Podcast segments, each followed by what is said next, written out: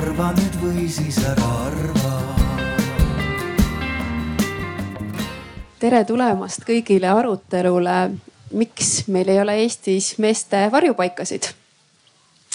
enne kui me pihta hakkame, me peame klattima väikse arve teiega, et kõik, kes ootasid modereerimas ohvriabi juhti Jako Sallat, et teda täna siin ei ole, et nagu ohvriabis ikka meil juhtub erinevaid kriise, nii ka täna. ja et äh, mina ja mu kolleeg äh, Mari Tikerpuu oleme siis, kehastame Jako Sallat teie ees. aga, et hakkame pihta, et, et miks just meie siis Jako asemel siin oleme. et äh, Triin Raudsepp olen mina ja ohvriabi arendustalituse juhataja ja erinevate vägivalla teemadega kokku puutunud siis ohvriabis kuus aastat ja noh, üks teema, naiste varjupaigad, mis on meil üle viieteist aasta juba tublisti töös Eestis ja hästi toimiv äh, sisse juurdunud teenus. et alati sellega toimetades ja tegeledes ka tänaseni küsitakse, et aga mehed, kus on siis mehed, et miks teil ei ole meeste varjupaikasid? et äh, otsime täna sellele vastust siis. aga Mari. tere ka minu poolt. Äh, nagu mu hea kolleeg Triin ütles minu nimi on äh, Mari Tikerpuu ja mina olen ohvriabitalituse juhataja et kui see teenuste vaade nii naiste tugikeskuste või, või muude teenuste osas on siis äh, Triinu hallata, toetada, arendada. siis ohvriabitalituses me tegeleme konkreetselt otseste kannatanutega.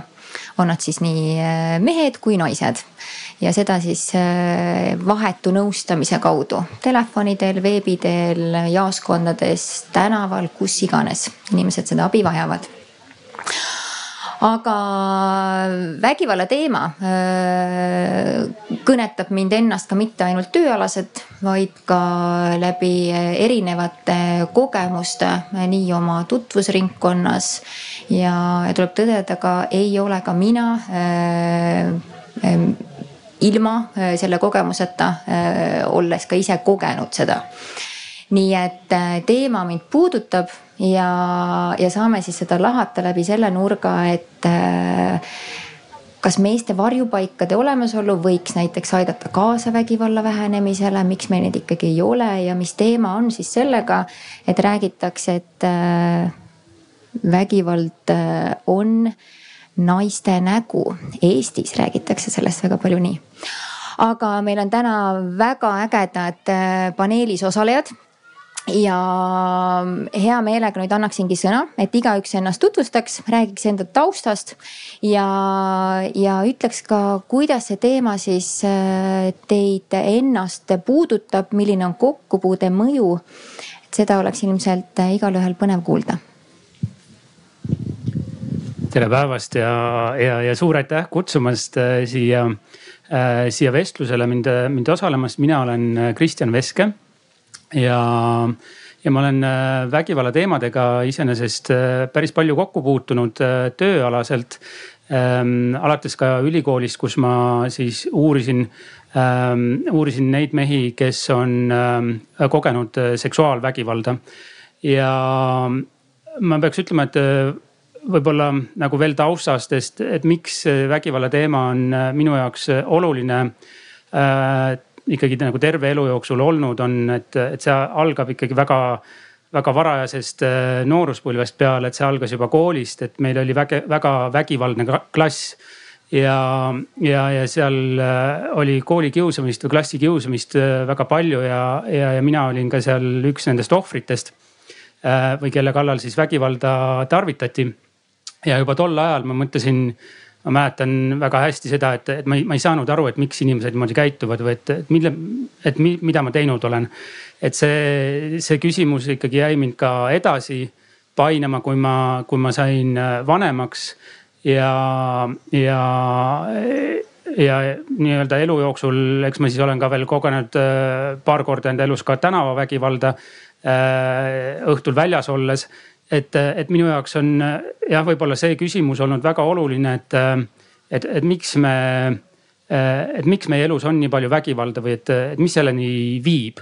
ja, ja seetõttu on, on ka mu töö olnud paljuski sellega seotud. sageli on see jah, viimasel ajal olnud naistevastase vägivallaga seotud aga, aga mulle ikkagi meeldib selline laiemalt mõtlemine, et, et ma arvan, et see, see vestlusring on siin ja see küsimuse püstitus on väga selline asjakohane ja, ja väga-väga tore, et Eestis selline arutelu toimub. tere kõigile minu poolt ka. suur tänu kutsumast. see teema on väga intrigeeriv Äh, mina olen oma tööst, töötan siis vägivalla ohvritega peamiselt siis äh, lapsohvritega, aga ka täiskasvanud ohvritega viimased kümme aastat või natuke rohkem. olen kliiniline psühholoog ja kliiniline lapsepsühholoog. ja mind väga puudutab see, kui, kui inimesed teevad haiget ja mind väga puudutab see, kui inimesed saavad haiget. ja praktikuna ma näen, kui, kui suur mõju on vägivallal nii vaimsele kui füüsilisele tervisele. ja ma ikka ja jälle mõtlen ja töötan selles suunas oma kolleegidega. et, et me nimetaksime asju õigete nimedega mis minu arvates juba aitab kaasa vägivalla vähendamisele. et me ei häbeneks vägivallast rääkida. ja, ja et meil oleks julgus teha seda, mis me teeme ja nimetada asju õigete nimedega. ja selle tõttu ma täna väga siin meie diskussiooni ka põnevusega ootan. aitäh võin ma, Mariana, sinu käest küsida, et miks sa teed seda tööd, mida sa teed? ausalt, mind väga ärritab see, kui nõrgemad saavad haiget. mind väga ärritab see, kui, kui pööratakse pea ära, kui keegi saab haiget, et see väga-väga puudutab mind. ma olen olnud isiklikult sellel, selles olukorras, kus, kus äh, nõrgemad saavad haiget ja selle tõttu see tekitab eriti, eriti tugevat reaktsiooni. nii et ähm, oli vastus aitäh ja tere. minu nimi on äh, Annika Arras ja mina olen konsultatsiooniettevõtte Milton äh, tegevjuht.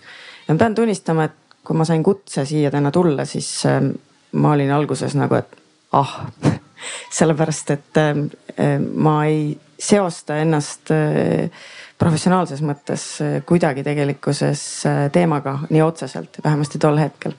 aga kuna küsimus mu ette pandi ja, ja ettepanek oli, et kuidagi oleks vaja saada sellist vaadet ka, mis tuleb võib-olla ettevõtja ja tippjuhi poolt, et natukene mitte nii teemas sees olevalt, siis, siis ma hakkasin mõtlema ja enda jaoks seda küsimust rohkem lahti mõtestama. ja lõpuks tundus, et no aga mis siis ikka, et räägime siis. ja, ja võib-olla need kohad, kus, kus ma saan kaasa mõelda ja, ja kaasa arutada koos teiega, on, tulevad minu taustast võib-olla kahest asjast ma olen päris pikalt tegelenud äh, naiste, nimetame siis naiste võimestamisega. mul on selline suur sisemine soov näha rohkem naisi poliitikas ja, ja ettevõtluses. eelkõige just siis täiesti tipptasemel. ja, ja ma olen viimased viis-kuus aastat vedanud ühte rahvusvahelist kooli, kus ma siis äh, üritangi läbi enesekindluse ja teadmiste suurendamise äh, seda reaalselt ka ellu viia ja, ja teine pool, millega ma viimased aastad olen põhjalikult tegelenud, on selline laiem äh, ühiskondlik vastutus, ettevõtete vastutus, organisatsioonide vastutus.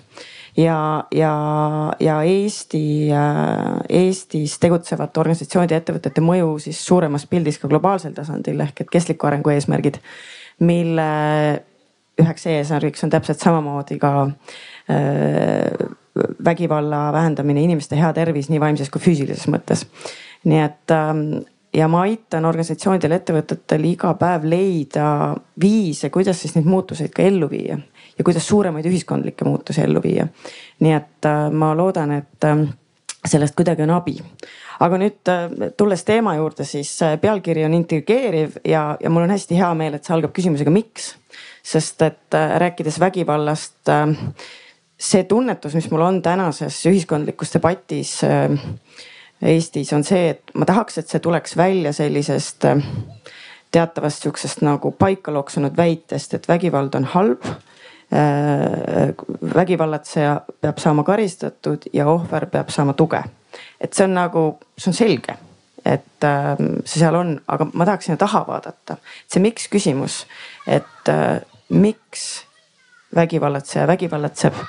Äh, et me läheksime sügavamale ja tegeleksime ennetusega, et seetõttu see varjupaiga küsimus, et, et miks meestel ei ole, et noh, vastus on, et jah, peaks olema, kõigile peaks olema vahet pole, millisest soost, millisest, millist religiooni ta omab või milline tema sooline sättumus on, et jah, peab olema.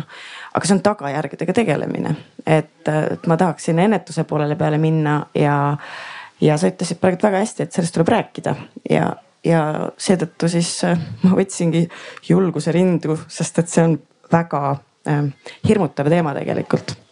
Ja, ja räägime siis ja tere ka minu poolt, mina olen Heldi McCaskill ja olen Sotsiaalkindlustusametis vägivallast loobumise teenuste juht. ja tegelikult tausta poolelt olen tegevusterapeut. ja kui ma ülikoolis äh, õppisin, siis äh, mind hakkas väga paeluma äh, selline asi nagu tumedad tegevused sest tegevusteraapias vaadatakse inimest kui olendit, kes ennast kujundab ja, ja rakendab läbi tegevuste ja minu jaoks oli hästi huvitav, et kuidas inimesed siis valivad neid äh, tegevusi ja näiteks miks nad just äh, valivad teatud tegevusi. Ähm, ja, ja üks asi viis teiseni ja äh, spetsialiseerusin siis psühhiaatrias ja, ja lõpuks läksin edasi kohtupsühhiaatriasse ja töötasingi kuus-seitse aastat siis Londonis kohtupsühhiaatria haiglas. see ongi turvatud haigla ja ja tegelesin siis äh, patsientidega, kes, äh, kellel oli psühhiaatriline diagnoos ja kes olid siis äh, toime pannud ka väga raskeid kuritegusid. enamasti siis mõrvad ja, ja vägistamised. ja see oli äärmiselt raske, paeluv töö ja miks ma võib-olla sellesse teemasse nagu jäin ja, ja, ja siiamaani nüüd ka siis teises riigis endiselt selles teemas olen on see, et mind äh, väga huvitab just nimelt see, et kuidas inimesed üldse jõuavad selleni, et nad äh, valivad äh, vägivalla kui oma selle, selle teo. Ähm, ning kas me saame seda ennetada ja, ja teine asi on see, et kas me saame seda muuta et kui inimese identiteet on, on nii tugevas seoses äh, vägivallaga äh, ja tema igapäevane eluviis on nii tugevas seoses vägivallaga, et kas me saame selle millegi muuga asendada?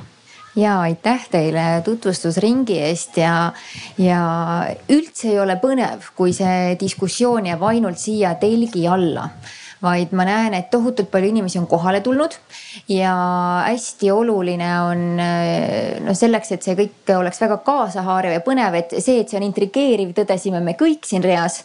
Aga, aga me tahaksime tegelikult praegu kaasata ka kuulajaid ja vaatajaid ja küsime ühe lihtsa küsimuse teilt, et milleks me palume ainult seda, et te tõstaksite siis ühe oma käe ja küsimus on, et äh, kes arvavad, et Eestis on vaja meeste varjupaikasid?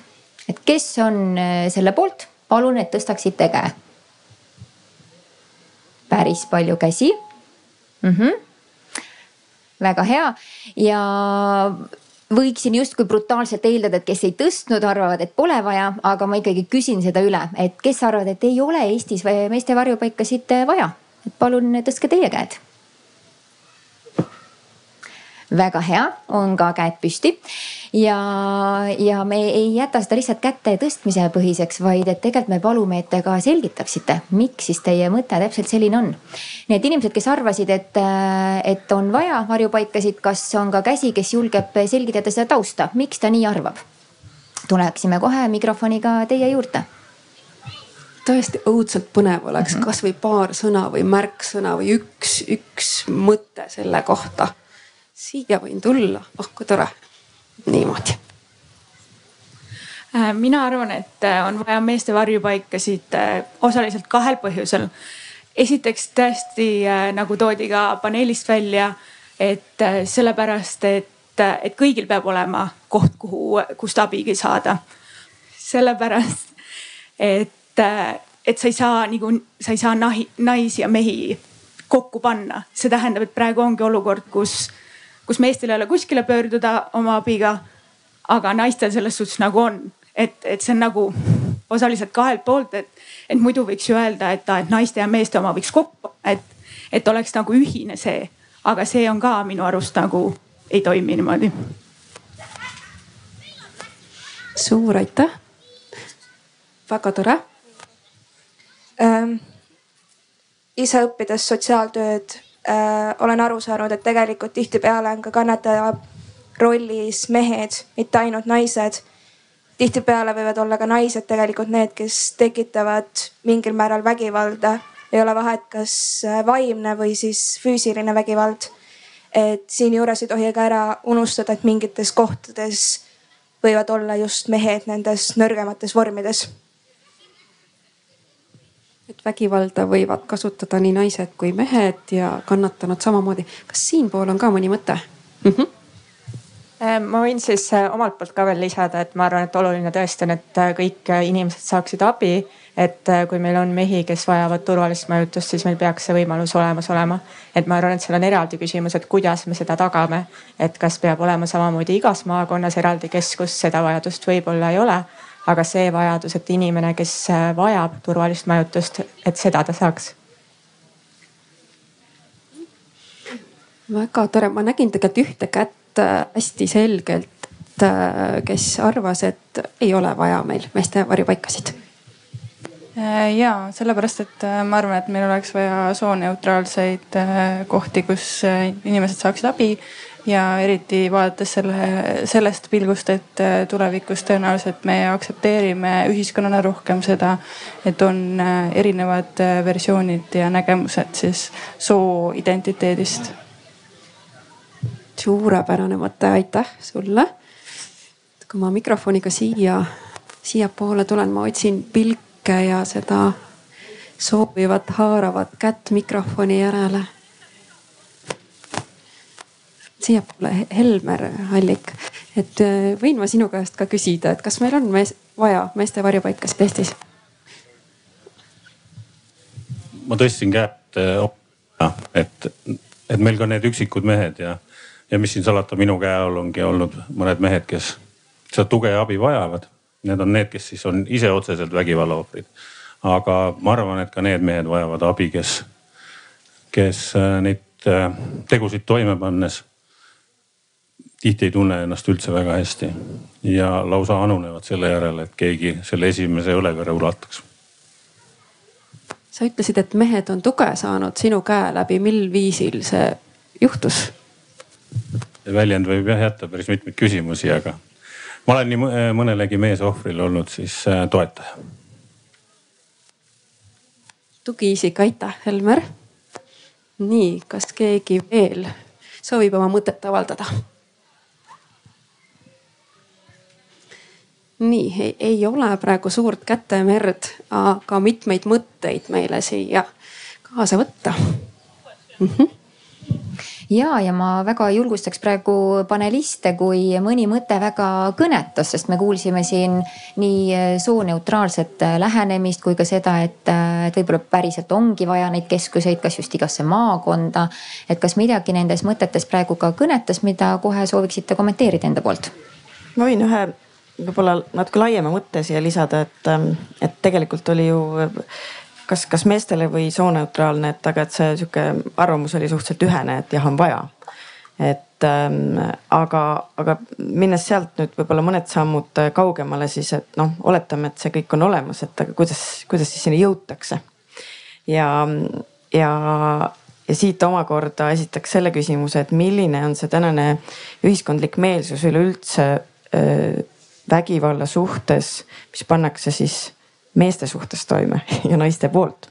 või üleüldse, milline on ühiskondlik meelsus selles küsimuses, et kas mees võib oma nõrkust välja näidata, kas ta julgeb seda teha et ähm, meenutan kunagist ja siiamaani armastatud filmi Mehed ei nuta, et et äkki me, äkki me peaks natukene liikuma sinna, et, ähm, et äh, see on, see on ka tore film, aga, aga võib-olla nüüd oleks vaja Mehed nutavad filmi ka teha. et lihtsalt saavutada sellist äh, laiemat ühiskondlikku tolerantsi selle suht-, selles suhtes, et, äh, et see on okei. Okay ja ma natukene olen vaadanud ka laiemalt, mida mujal riikides tehakse, et lihtsalt aru saada, et kus me Eestis täna omadega oleme ja, ja kus mujal ollakse ja noh, täna on populaarne see, et meil on kampaaniad pane õlg alla, sest et me räägime vaktsineerimist, aga, aga sellise äh, toetava suhtumise, soosiva suhtumise ja, ja avatuse kampaaniaid tehakse üle maailma päris palju. ja just nimelt selle mõttega, et kui kellelgi on mure, siis ta julgeks tulla. ja mm, ma vaatasin Suurbritannias äh, ühte sarnast ähm, projekti, mis ellu viidi, kaks tuhat kolm vist algatati. Ja selle nimi oligi, et Men do cry. Ja, ja seal oli äh, faktid, mis seal taga olid, olid minu jaoks tegelikult täiesti šokeerivad. et, ähm, et äh, Suurbritannia statistika näitab, et äh, pooled vägivallajuhtumid siis inimene inimese vastu on siis mehed naiste vastu. Ja enamasti siis lähisuhtevägivald. Ja üksik protsent, see paar protsenti oli ainult siis naismehe vastu, ülejäänud on siis mees mehe vastu. nüüd äh, sealt omakorda, kui äh, mindi süvitsi siis äh, lähisuhtevägivalda, siis selgus, et vaid kümme protsenti vägivalla all kannatavatest meestest tulevad sellega välja mis tähendab seda, et see suur hulk inimesi, kes kannatavad vägivalla all ja, ja see ei pea ju üldse olema füüsiline et ähm, see vaimne terror võib kesta iga päev või manipulatsioon, ähm, äh, oskuslik manipulatsioon võib kesta aastaid. muideks keskmine vägivalla all kannataja kannatab neli aastat, enne kui ta üldse julgeb sellega välja tulla, selle UK uuringu järgi ja, ja kui ma seda kõike vaatasin, siis ma, ma olin ikkagi väga šokeeritud, sest mulle meenus vestlus, mida me pidasime Jako Sallaga siis, kui me valmistasime ette seda tänast arutelut. ja Jako ütles tolles vestluses sellise lause, et Eestis puudub tellimus meeste varjupaikadele, sest et tegelikult täna neid kõnesid ei tule sisse ja neid abiküsijaid ei ole piisavalt palju, et see on nagu nii väike hulk inimesi. siis äh,, siis ma vaidlesin talle tol hetkel tuliselt vastu ja jätkuvalt olen seda meelt, et äh, ma arvan, et me lihtsalt ei näe seda tellimust. sellepärast, et machokultuur on nii tugev, et äh, noh, mehed ei nuta.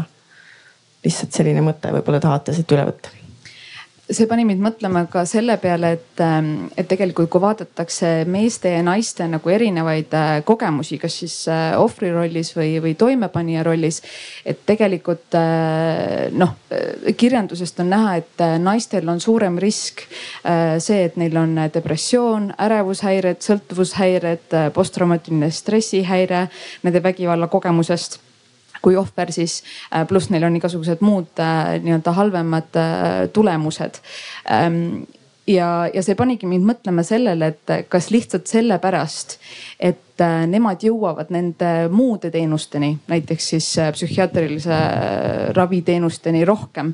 et kas see siis tähendab, et see on justkui nagu vähem tähtis, et, et mehed siis ei koge depressiooni või ärevushäiret või posttraumaatilist stressi või, või kõiki neid muid asju. et, ähm, et et kas me nagu räägime siin sellest lävest ja siis teatud, äh, kui, kui selle läve all on, siis tegelikult see vähemus, noh, see on vähemus, et me ei pea sellega tegelema, et tegeleme nagu selle enamusega, sest et äh, äkki on suurem efekt. Võib-olla, kui ma võin ka siin vahepeal, äh, et need mõtted olid siin väga-väga juba huvitavad ja panid mind edasi mõtlema, et selle enda tehtud intervjuude kogu peale, mis ma tegin USA-s siis nende seksuaalvägivalda kogenud äh, meeste hulgas. ja nii mõnigi neist, kes siis oli enda elus kogenud seksuaalvägivalda, nad rääkisid ka sellest, et nendel endal on olnud elus pärast vägivalla selliseid perioode või episoode, et nad on ise olnud vägivaldsed Äh, ja nad seostasid seda enda sellise traumaga või et, äh, et kui nad nägid, äh, kui nad sattusid mingis, mingisugustesse olukordadesse, kus nad ei osanud seda lahendada, seda olukorda. et siis see kuidagi tuli nendel vägivallana välja siis kas puhtalt võõraste inimeste suhtes või, või, või ka kodus. Et et minu meelest ähm, äh, on, on see nagu selline oluline punkt, et, et tõepoolest, kui me räägime ka vägivallatsetest äh, endast, et siis äh, et, et, et mis on see, mis on neid sinnamaani viinud, et mis on jäänud nagu nii-öelda või mis on, kuna on olnud nende kogemus või miks, miks nad seda ikkagi lõpukokkuvõttes teevad, et, et kas on seotud nagu sageli sellega ka, et, et nende elukaare jooksul, kas nad on ise kogenud äh, mingisugust äh, traumaatilist üleelamist või on siis, ma ei tea, midagi mingisugusest soojusest või, või, või õpp, õppimisest nii-öelda nagu puudu jäänud, et olgu see siis peres või, või, või koolis ja teine asi, mis ma mõtlesin, et äh, korraks tulles tagasi siia sooneutraalsete ehm, äh, tugikeskuste poole või, või abi poole, et. Äh, et noh, ideaalis tõepoolest peaks võib-olla olema niimoodi, et ükskõik kuhu mina lähen võimaliku ohvrina, et ütleme, et mul on kodus selline kriitiline olukord või et ma ei, millega ei, ei tule toime, et minu kallal pannakse toime vägivalda aga, aga sageli võib-olla praktikas see ikkagi ei äh,, ei toimi niimoodi, et et kõik äh, need teenusepakkujad suudaksid ära katta kõiki vajadusi. ehk et, ähm, ähm, et samamoodi, kui ma lähen näiteks arsti juurde, eks ju, et, äh, et siis kohati võib-olla mul on äh, või noh, et on põhjus, miks mul on näiteks, kui ma lähen meestearsti juurde, androloogi juurde, et mul on seal nagu äh, mugavam mingitest asjadest rääkida kui äh, nii-öelda tavaarstiga, kes oleks võib-olla naine, et äh,. et, et et minu meelest selline teatud spetsialiseerumine on ikkagi äh, teatud määrani praegusel hetkel küll veel vähemalt vajalik, et, äh, et äh, need võimalikud ohvrid ennast ka vabalt tunneksid selles keskkonnas, kuhu või kelle poole nad pöörduvad.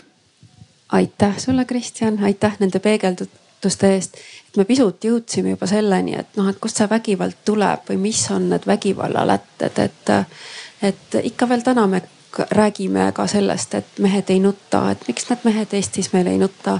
ja et, et kui me vaatame Euroopa Põhiõiguste Ameti selleaastast uuringut, kust tuleb välja, et äh, lähisuhtevägivalla kontekstis Eesti on üks vägivaldsemaid riike, et iga kümnes inimene on kogenud vägivalda, et noh, et seal sees on nii mehed kui naised, et, et enamasti teadagi naised, aga et et kuidas meil nii on siis, et äh, mis põhjustab seda vägivalda? kust see tuleb? no mul on ülihea meel, et me riigina, ühiskonnana oleme rohkem hakanud rääkima asjadest õigete nimedega ja see, et me täna siin paneelis räägime avatult vägivallast, noh, ma olen südamest tänulik. Äh, minu lühike vastus enne kui ma jõuan pika vastuseni, on see, et, äh, et see tuleb mudelist.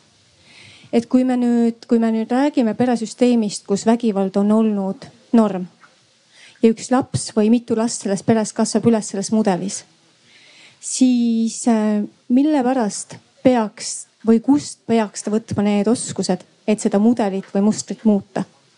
sest vägivald annab ju võimu ja kontrolli ja väga sageli ei anna vägivalla toimepanija seda meelega käest.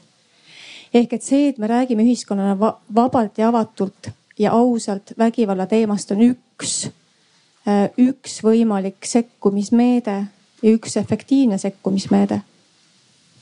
aga kui minna nüüd selle pikema vastuse juurde, et kust see vägivald tuleb, et mida sina näed oma, oma töös no tegelikult ma jõudsin juba vahepeal pikema vastuse juurde. et, et ma näen nii eriti just oma praktilises töös seda, et kui me suudame selle nii-öelda, selle mudeli nii-öelda ümber kujundada või ümber sõnastada selle lapse jaoks või selle järeltulija jaoks, siis, siis tegelikult on juba muutus toimunud. ja see on oluline meil ühiskonnas tervikuna ja, ja me, me saavutame selle tulemuse sellisel juhul, kui me julgeme otsa vaadata, julgeme otse rääkida sellest, mis toimub. ja ka vägivalla toimepanijatele äh, nii-öelda avatult seda äh, peegeldada see on siis midagi sellist, et lapsed, kes näevad pealt vägivalda ja õpivad seda kui normi enda jaoks, et see on see muster, mida tuleb lõhkuda, sellest tuleb rääkida, et neid peresid tuleb toetada mm. -hmm. Kristjani ja Mariana, see jutt just pani mind mõtlema nii paljudele lugudele, mida mina olen oma kliinilises praktikas äh, kuulnud, kus äh, kus ongi viiekümneaastased mehed on tegemas muudatusi oma identiteedis ja oma, ja oma see, kuidas nad oma elu elavad ja, ja see lause, et aga ma, ma ei, ma ei olegi näinud kunagi mittevägivaldset elu mm. -hmm see ongi lihtsalt alati on olnud vägivald mu elus ja see oligi täpselt see, et kuidas ma lahendan kõiki probleeme äh,. kuidas ma saan, mida ma tahan ja kuidas ma kaitsen ennast ja, ja nii edasi ja nii edasi, et, et see ongi täiesti norm paljude inimeste jaoks, kes siis ise ka lõpuks käituvad vägivaldselt ja, ma mõtlen veel, et, et tõepoolest, et üks selline oluline osa on see, et, et kuidas me õpime nii indiviidina või ka ühiskonnana üldse konfliktidega toime tulema. et, et jällegi, et see on selline, kuidas see inimene kujuneb selliseks, nagu ta on, et, et ta ju erinevates olukordades, kus on erinevad arvamused, et ta peab nagu suutma seda konflikti iseendas ka lahendada, et et kuidas ta suhestub lõppkokkuvõttes teise inimesega. et üks, see lihtsam pool võib-olla ongi see, et ma lihtsalt kehtestan ennast läbi kas jõu või olgu see jõud või manipuleerimine või ükskõik mis, aga, aga teine on see, et sa suudad sealt nii-öelda ise tervena välja tulla sellest äh, konflikti situatsioonist ja ka teine inimene jääb terveks. ja vot seda, sedasorti äh, kuidagi äh, õpet oleks äh,, oleks kindlasti, ma arvan, rohkem vaja meil nagu ütlesin, indiviidi tasandil, aga ka ühiskonna tasandil, et kuidas need erinevad grupid nii-öelda suudavad eksisteerida ühiskonnas? mul tekkis siit üks küsimus teid kuulates, et olete kõik selle nii-öelda valdkonnas palju suuremad eksperdid kui mina, et mul on ainult erinevaid lugusid rääkida, mida ma olen, mida ma olen oma, oma töös kogenud, eelkõige just kommunikatsiooni valdkonnas, mis on ka seda puudutanud. et, et kuidas, kuidas teha, eh, kuidas suurendada teadlikkust inimeste seas, mis on vägivald, sest et kui keegi annab nuiaga pähe, siis me saame üheselt aru, see on vägivald. aga, aga tihtipeale selle füüsilise vägivalla ju kutsub esile tegelikult pikka aega kestnud vaimne vägivald aga seda vaimset vägivalda me tihtipeale ei oska näha. et, et, et teinekord ohver ei saa arugi, et ta on ohver. ta ei saa arugi, et võiks teistmoodi elada, vaid noh, kui siin, kui siin oli, et viiskümmend aastat on vägivald olnud mu elus, siis see ühel hetkel muutub normaalsuseks et ma puutusin ise kokku, see on sihuke mingis mõttes südantsoojendav lugu, aga mm, see, see tuleb küll poliitikast, aga läheb otseselt sinna, kus üks naisterahvas kakskümmend aastat ei saanud aru, et selline käitumine tema suhtes ei ole okei. Okay kuna ma koolitan äh, Ida-Euroopas äh, ja, ja Kaukaasias äh, naispoliitikuid, siis mul oli ükskord selline õpilane, ähm, kes on Bulgaarias ühest Türgi vähemuse parteis ja, ja noh, see ütleme, kultuuriline taust juba natukene määrab seda, milline on siis nagu mehe ja naise suhe. Ja see naine oli hästi aktiivne selles parteis ja tema, tema mees oli siis partei juhtkonnas ja tema oli siis seal sihukene poolsekretäri rollis. Ja siis ta tuli mu koolitusele ja siis ta rääkis, et tal on tegelikult suur unistus olla ise ühel päeval äh, ka seal nii-öelda juht ja istuda esireas ja siis ma kuulsin seda sõna esireas, et noh, kui meil on see suur üritus seal, et siis noh, minu mees istub esimeses reas, aga mina istun viimases reas. ma küsin, miks sa seal viimases reas istud, et miks sa oma mehe kõrval ei istu ees, on ju. ei, aga ta on alati mulle öelnud, et kuna ma ei kuulu juhtkonda, siis ma ei tohi esimeses reas istuda tema kõrval, on ju. siis ma andsin talle tollel koolitusel kaasa ainult ühe soovituse, et ole hea nüüd, kui sa järgmine kord lähed koju ja teil toimub see üritus, et lihtsalt katseta. ära isegi küsi, mine ja istu esimesse ritta. ja ma nägin teda kolm kuud hiljem, siis ta jooksis mulle sülle ja kallistas mind ja hakkas nutma. ma küsin, miks sa nutad? ta ütles, et tead, ma istusin esimesse ritta. et ja ta ei saanud ennem aru, et ta peaks seda tegema. ta ei saanud aru, et temaga käitutakse valesti. et kuidas psühholoogid võib-olla oskavad paremini öelda, et mis me tegema peame selleks siis, et äh, inimesed saaksid aru, et selline käitumine ei ole aktsepteeritav ma psühholoog küll ei ole, aga, aga tänasele mõeldes ma väga palju mõtlesin, ähm, kuidas me Eestis näeme meest ja kuidas me Eestis näeme naist ja mida me tolereerime, et ähm, äh, mina olin Eestis pikalt ära ja kui ma tagasi tulin äh, nüüd sellel aastal äh, koroonapõgenikuna nii-öelda, siis ähm,, siis ma, siis ma kohe märkasin seda, kuidas meil on täiesti okei okay olnud rääkida naistest alandavalt meedias kaasa arvatud inimeste poolt, kellel on väga palju äh, võimu. Ja, ja see kuidagi läheb niimoodi hästi suurte lainetena veel edasi. ja, ja kuidas üldse nagu vägivalda on nagu minimeeritud. Ja see oli minu jaoks ähm, mõneti nagu uus kogemus, et ma ei ole seda äh, Äh, Suurbritannias üle kümne aasta elades ma nagu üldse ei pannud seda tähele, aga siin on see olnud kuidagi äh, täitsa sihuke normaalne ühiskonna äh, kõva häälega diskussiooni osa. Jah, ma olen ka sellega täiesti, täiesti nõus, et seda paneb Eestis äh, sageli tähele.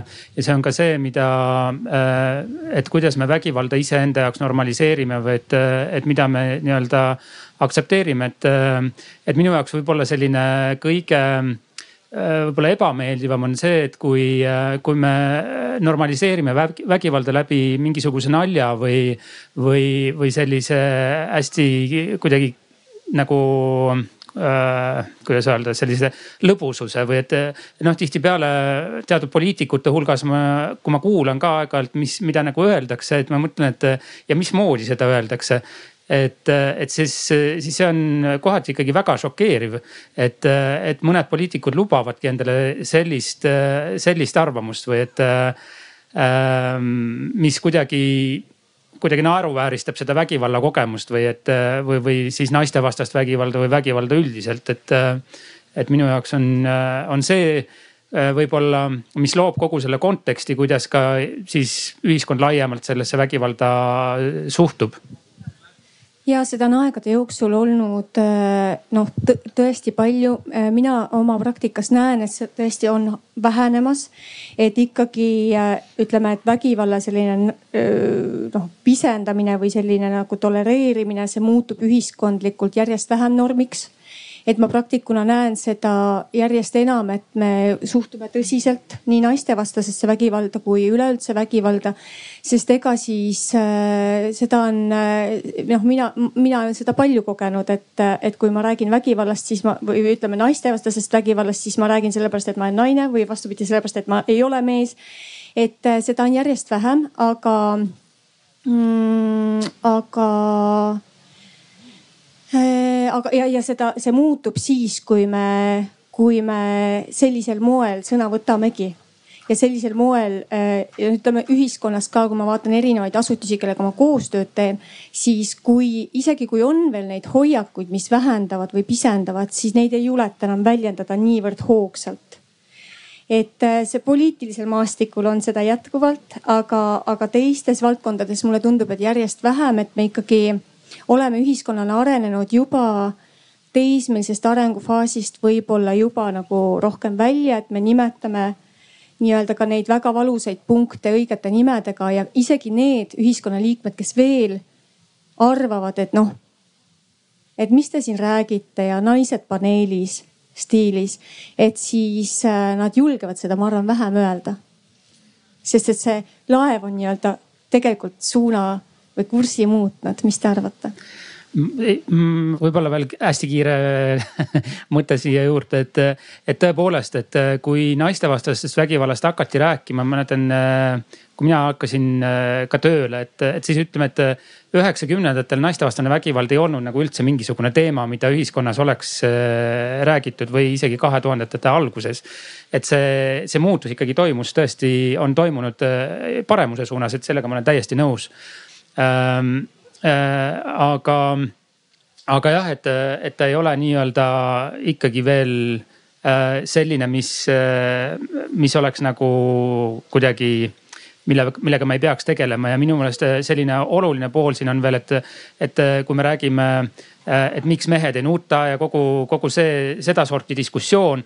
et noh, siis kõrvale me kuuleme ikkagi väga selgelt sageli sellist, et kuidagi lumehelbekeste diskursust või et, et noh, mis need teatud generatsiooni noored inimesed umbes nad ei suuda enam üldse mingisuguste probleemidega toime tulla, nad on ainult nii enda mingisugustes emotsioonides kinni.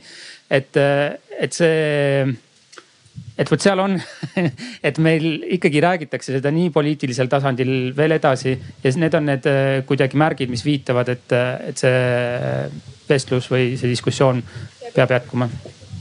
see on minu arust natuke see küsimus, et kas haavatavus on võim või nõrkus? et kumb ta siis nagu on? Ja see on huvitav, mul äh, vahepeal teid kuulates tekkis veel üks, üks, üks täiendav mõte siia juurde, et ähm, mis käib märksõnana eelarvamused. et äh, mis, mis käib ka tugevalt vägivallaga kokku, et, äh, et meil on teatavad välja kujunenud eelarvamused, et esiteks, et kes on vägivallatseja. Et, et kui ma meid siin vaatan, siis noh, vabandust, Kristjan, sa oled kõige tõenäolisem on ju praegult.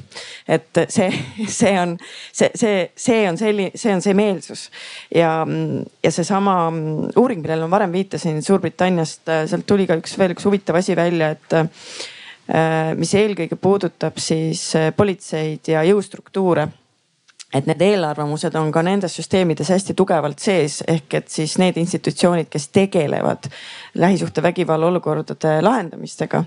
et, et kui need koha peale kutsutakse, siis et kõikidest nendest vägivallajuhtudest, mis siis äh, nii-öelda kirja läksid nendest nelikümmend protsenti olid tegelikkuses siis ohver ja vägivallatseja oli esimese äh, siis otsuse põhjal vale sellepärast et uksest sisse kõndides on suurem ja tugevam alati süüdi. ja, ja, ja selle peale tihtipeale ei tuldagi, et, et trepist alla võib lükata ka õbluke naine äh, suure mehe. et, äh, et, et see, et see, et kuidas saavutada ka selline see turvatunne nendes ähm, nagu institutsioonide poolt, kes siis neid olukordi lahendavad. et, et sa ei ole automaatselt süüdi sellepärast et ajalooliselt on nii olnud, et sinu juuksevärvi ja sinu kehakujuga inimesed on süüdi. Et kuidas me sellest välja tuleme, et ennem olid siin politseimundris inimesed, et õudselt hea oleks nende käest küsida, et, et kuidas nad siis nagu igapäevapraktikas äh, seda olukorda lahendavad. Ma arvan, et see kindlasti igapäevases praktikas, see ongi väga-väga keeruline probleem. ja jällegi võib-olla sellistest enda kogemustest rääkides, et äh, mina kui vägivalla äh, kõrvalt või, või pealtnägija. et, ähm, et ühes kohas, kus ma olen elanud enda elu jooksul äh, on, äh, on olnud aastate pikku on pidevalt naabrid, üks paar teineteist peksnud põhimõtteliselt iga nädal on politsei kohal käinud, eks ju. ja, ja, ja siis see on, see on, see on, see on tõepoolest nagu ma saan aru, et, et see võibki olla nagu nendele inimestele, kes kohale tulevad keeruline aru saada, kes siis nüüd lõpuks keda peksab, mis seal täpselt toimub, et eh, et, et need ei ole nii kergelt lahendavad situatsioonid, et ma arvan, et see ongi võib-olla alguses hinnatakse küll seda olukorda valesti, aga ma ei tea, siis lähem selline uurimine peab lõpuks siis mingisuguse suurema selguse tooma. Ehm, noh, kindlasti on erinevad need viisid või ohvriabis me näeme seda, et, et see, kuidas naised kogevad vägivalda või kuidas mehed kogevad vägivalda, millistes kontekstis, et need on väga erinevad. et mis on teie mõtted siin, siin osas? Ähm,? minu mõtted võib-olla kohe lähevad äh, hiljutisemale kirjandusele, et äh,, et noh, kui üldse nagu rääkida sellest, et kes on tõenäolisem toimepanija, kes on tõenäolisem ohver. et äh, väga tähtis on see, et me eristame, mis äh, vägivallast me räägime ja, ja mis kontekstist. Et ähm, ja et me ei jääks nagu sellesse narratiivi kinni, äh, millega me oleme võib-olla harjunud.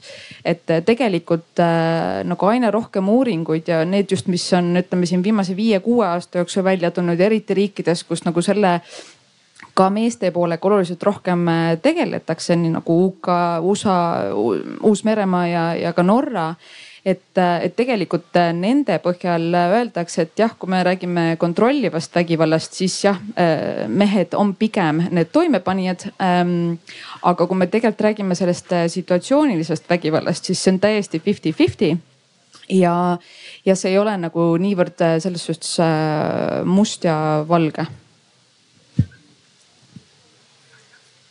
ja siis võib-olla noh, ma ei nimetaks seda peenhäälestuseks, aga et mida Annika ennem ütles esireas ja tagareas istumise osas, et kus me selle piiri üldse paneme, et mis on vägivald.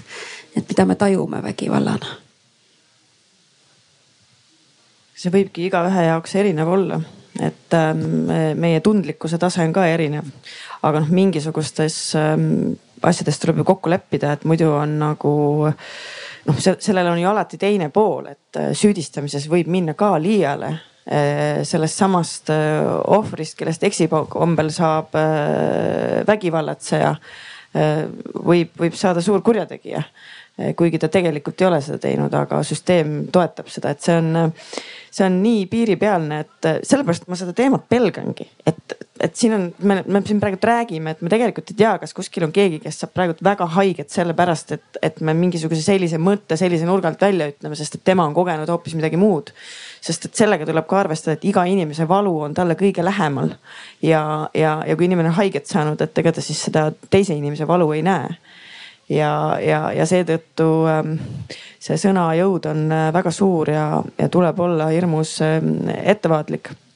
aga, ja, ja siis siit jätkuküsimusena minul on veel peas see küsimus, et millal vägivald on õigustatud sest äh, on küll ja küll olukordi, kus äh, lõpuks see, kes paneb vägivallateo toime, ei jää süüdi, sellepärast et äh, kas see oli enesekaitse või oli ta olnud siis mis iganes konditsioonis või ta oli viidud.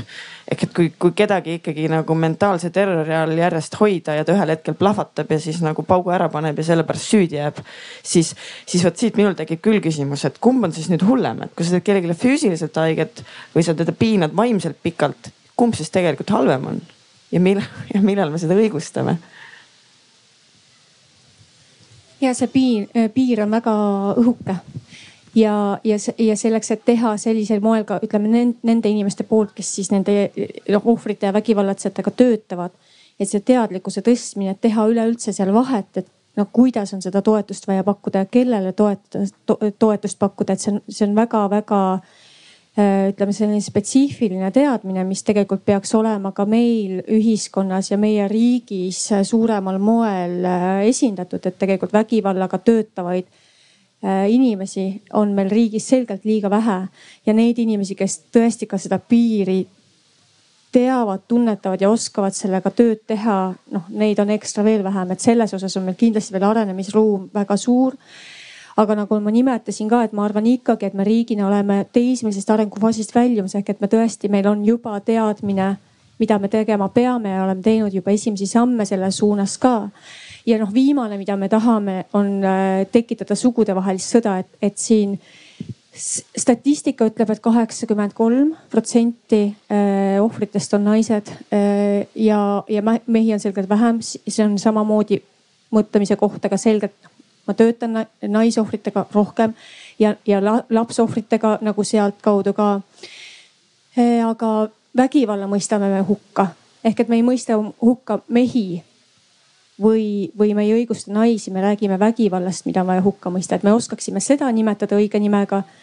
ja, ja sellele anda vaste nii-öelda on, on minu suur südame küsimus ja, ja iga päev teen noh et kui küsitakse, et, et kuidas sa jaksad tööle minna, et vot sellepärast jaksan, et, et seda oleks vähem ja see ja, ja see vägivalla teema oleks selgem ka ja see ja, ja et see ei tekitaks seda, et mehed versus naised, see on kindlasti viimane, mida me tahame. ja ma olen ka sellega väga nõus, et see selline äh, see mehed versus naine, et see, see peaks olema nagu äh, kuidagi fookuseks või et äh, et see ei aita meid äh, kuidagi diskussioonis lõpuks äh, edasi, et, äh, et noh, tõde on see, et ma arvan, millega me kõik ju siin lepime või ka, või ka kuulajaskond leppis, on, on see, et, et igalühel, kellel on abi vaja, peaks seda abi saama just selliselt äh, nagu tal seda vaja on. aga ma võib-olla korraks tuleksin tagasi sinna vägivalla piiri juurde, et, et enda töökogemuses veel, et et tihtipeale, ähm, mida ma ka ennem mainisin seda, et kuidas inimesed normaliseerivad enda jaoks vägivalda ka siis, kui nad on äh, ohvrid. et kui sa siis lõpuks mingi hetk jõuad äh, selle selle inimeseni, kes tegelikult vägivalla all kannatab, ta ise võib-olla ei saagi sellest aru.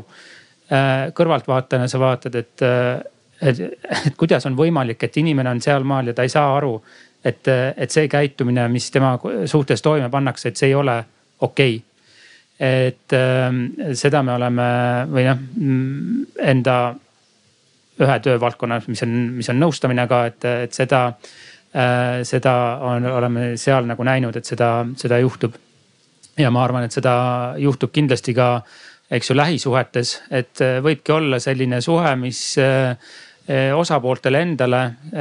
noh, nad on seal sees ja nad ei kuidagi ei mõtle selle peale, et, et, et üks on, on seal kuidagi halvemas seisus. aga kõrvaltvaataja vaatab ja mõtleb selle peale, et, et see, seal ei ole nagu mitte midagi loomulikku enam selles äh, suhtes või et, et selle on, see on ikkagi juba vägivaldne suhe. Kristjan, et sa oled Marianna, palun jah. üks ühine tunnusjoon, mis on ohvril ja vägivalla toimepanijal äh, ühine, on see, et nad mõlemad normaliseerivad ja kas see on siis äh, seotud varase traumakogemusega vägivallatseja poolt vaadatuna, et ta ei mõista või on see tahtlik, noh, mina oma töös näen pigem seda, et see on väga sageli tahtlik, ehk et ma valin mitte näha sinu kannutusi ja, ja põhjendan seda sageli ülimalt elegantselt, miks see kannatus on õigustatud. Et seda teevad tõesti vägivalla toimepanija ja vägivalla ohver sarnaselt, et mõlemad pisendavad ja normaliseerivad ja kui seda teeb üldine ühiskond, siis on äh, error aga millal on see hetk, kus, ähm, et kui see väline vaatlus ütleb, et, äh, et selles perekonnas ei ole asjad korras, siis millal on see hetk, kui on õigus kellelgi teisel sekkuda? See on eraelu ja privaatne tsoon ja kui päris niisugune äh, füüsiline vägivald ju tihtipeale välja ei paista. millal siis, millal see okei okay on? kus me selle piiri tõmbame esimene hetk, et me veel aastaid tagasi olime me ju, elasime noh ühiskonnana seal, kus me keerasime muusika valjemaks, kui me kuulsime karjumist kõrval kodust. et täna me enam seda ei tee, vähemalt ma tahan väga uskuda, ma ei küsi publikult. ma tahan väga uskuda, et me enam ei keera muusikat valjemaks, ehk et kui me näeme sekkumist, siis see on esimene hetk. ja muidugi on oluline pereautonoomia ja ja see, et kui mina kasvatan oma last nii ja keegi teine kasvatab oma last teistmoodi, et siis ei ole minu asi öelda, mis on õige, mis on vale. aga kui me räägime vägivallast, siis on esimene hetk öelda, et see on vale, on kõige õigem hetk. Siin minu arust tõuseb see küsimus, et äh, kelle, kelle probleem see vägivald on, et kes nagu sellega tegelema peaks. ja, ja minu jaoks väga selgelt vastus on see, et kõik peavad sellega tegelema.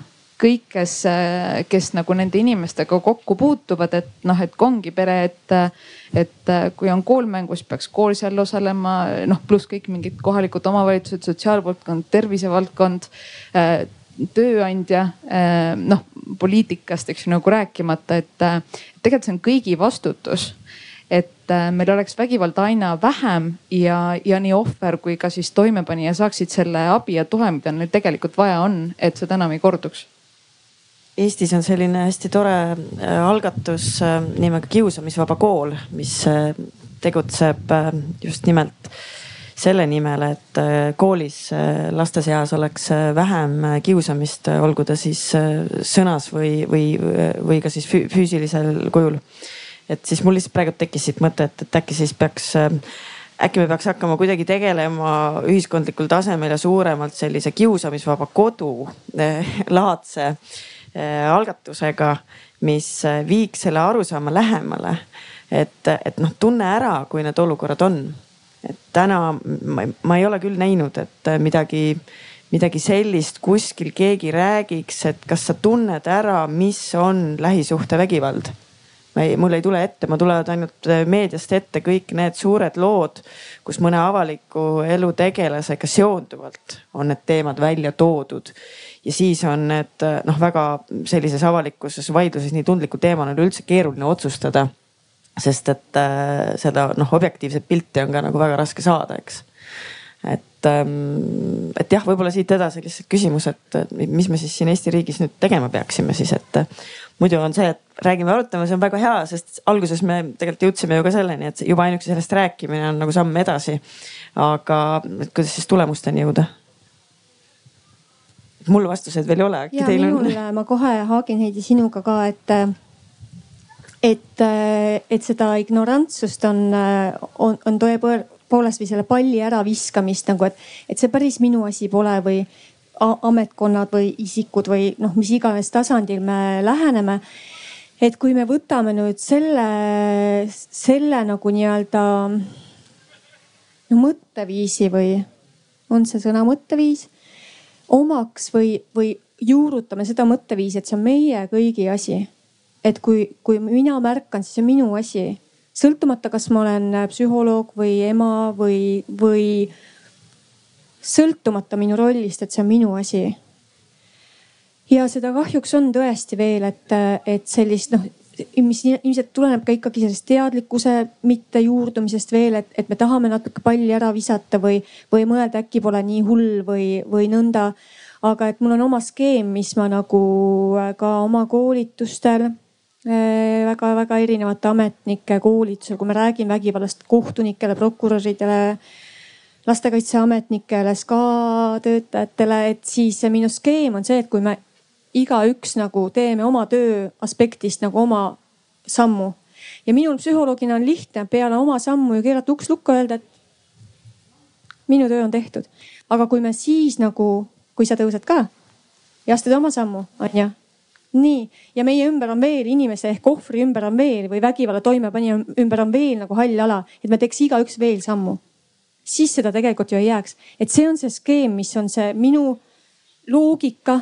ma annan kohe teile võimaluse seda arutada, ehk et siis me ühiskonnana jätame ju halli ala järjest väiksemaks. mis tähendab seda, et see nii ohver kui teo toimepanija on abi, abile nii-öelda nagu lähemal jah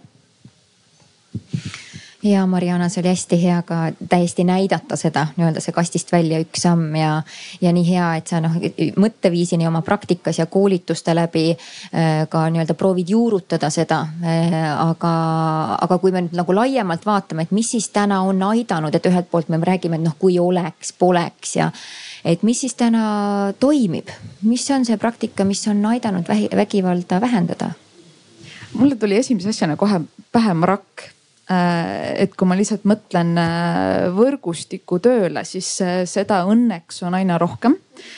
seda, et valdkonnad, erinevate valdkondade spetsialistid, nad integreeruvad oma töös et kuidagi jõutakse rohkem sellele arusaamisele, et tegelikult juhtumid on ju nagu kõigi juhtumid, et jagatud juhtumid.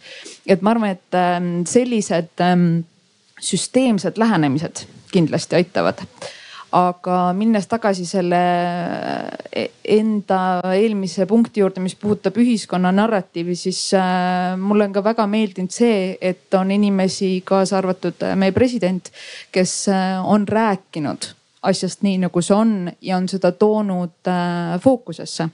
et nagu me oleme siin eelnevalt korduvalt öelnud, et räägime asjadest nii, nagu nad on ja, ja, ja noh, nagu räägime sellest, et mis me teeme ka rääkida laiemalt, et kuidas üleüldse üks sihuke suurem ühiskondlik muutus ellu viiakse? Või, või, või kuidas me saavutame ühiskondlikku muutust, siis, siis selle nagu kõige esimene samm on äh, alati aktsepteerimine. ehk et, ähm, et, et, et laiemalt kogu ühiskond peab esiteks aktsepteerima selle, et, et tegemist ei ole teemaga, mis on kapis, ehk seesama, mis sa just ütlesid, me räägime asjadest nii, nagu nad on siis teine samm on teadlikkuse tõstmine, teadlikkuse kasvatamine. ja see on seesama, et kuidas me saame aru, et see on vägivald. et äh, ja, ja, ja, mulle tundub, et see teadmiste puudujääk täna on eelkõige selle poole pealt, mis puudutab just vaimset vägivalda. sest füüsilist me suudame silmaga tuvastada enamasti et, et see on, see on teine pool ja, ja, ja, ja kui see teadlikkuse tõus on ühiskonnas toimunud, siis, siis kolmandana on, on võimalik hakata juba siis niimoodi juba järgmisele arengutasemele jõudma selleks, et, et, et võib-olla saab veel parem, paremini. Ja et milliseid muutumisi me siis ette võtame, kuidas me oma igapäevaelu ümber muudame. Äh, võib-olla tuleb elu ja haridussüsteemi üldse lasteaias ja koolides muuta selleks, et äh, kodudes muutus äh, toimuks, sest et muidu see on see pojalt isa või see vanaisalt pojale ja siis pojalt pojale ja noh, nii, nii edasi, see läheb põlvest põlve, et perekondlikud traditsioonid on hästi tugevad ja neid on murda ju raske. et ähm, ega siin, ma ei, ega siin ju tegelikkuses muud teed ei olegi aga nüüd on lihtsalt küsimus, et äh, kus ja, ja kus ja kas, kus, kus on olemas need, kes selle ette võtavad. et äh, praegu hakkasin mõtlema, et valimised on tulemas, äh, need on küll kohalikud valimised, aga, aga et kas ja kui palju näiteks need, kes vastutavad ka Eestis selle eest, et need ühiskondlikud muutused toimuksid, kas nad räägivad sellest, ma praegu ei tea, tuleks sisse vaadata. Et, ähm, et kas, kas me, kas me tajume selle vajadust ka otsustajate tasemel, sest lõpuks, mida see riigi vaates tähendab seda, et keegi peab seda kõike veel ka rahastama et äh, kui Eestis, äh, ma kuulen pidevalt, et isegi need naiste varjupaigad, mis meil on, on pidevalt alarahastatud, ei ole piisavalt vahendeid, et seda tuge pakkuda. meil ei ole isegi koolipsühholooge piisavalt, et, ähm, et, et, et lastele seda tuge pakkuda. et, et see lõpuks läheb sinna, et me võime siin hästi palju tahta seda muutust ja me võime kokku leppida, et hakkame nüüd kõik koos, võtame käest kinni ja hakkame nüüd äh, sõpradeks siis siis tegelikkuses vajab see süsteemset plaani ja, ja, ja väga selget protsessi juhtimist, et see toimuks. ma ei ole veel seda näinud, aga kuna ma nii sisusse ei ole selles teemas võib-olla ka varem läinud, siis äkki ma olen ebaõiglane ja, ja kuskil siiski midagi susiseb ähm, ma mõtlen veel, et, äh, et üks, mida me ei ole iseenesest maininud või, või millest rääkinud, et me, me kuidagi räägime, et äh, riik peaks midagi tegema äh, muutuse toimimiseks, et see on nagu õige.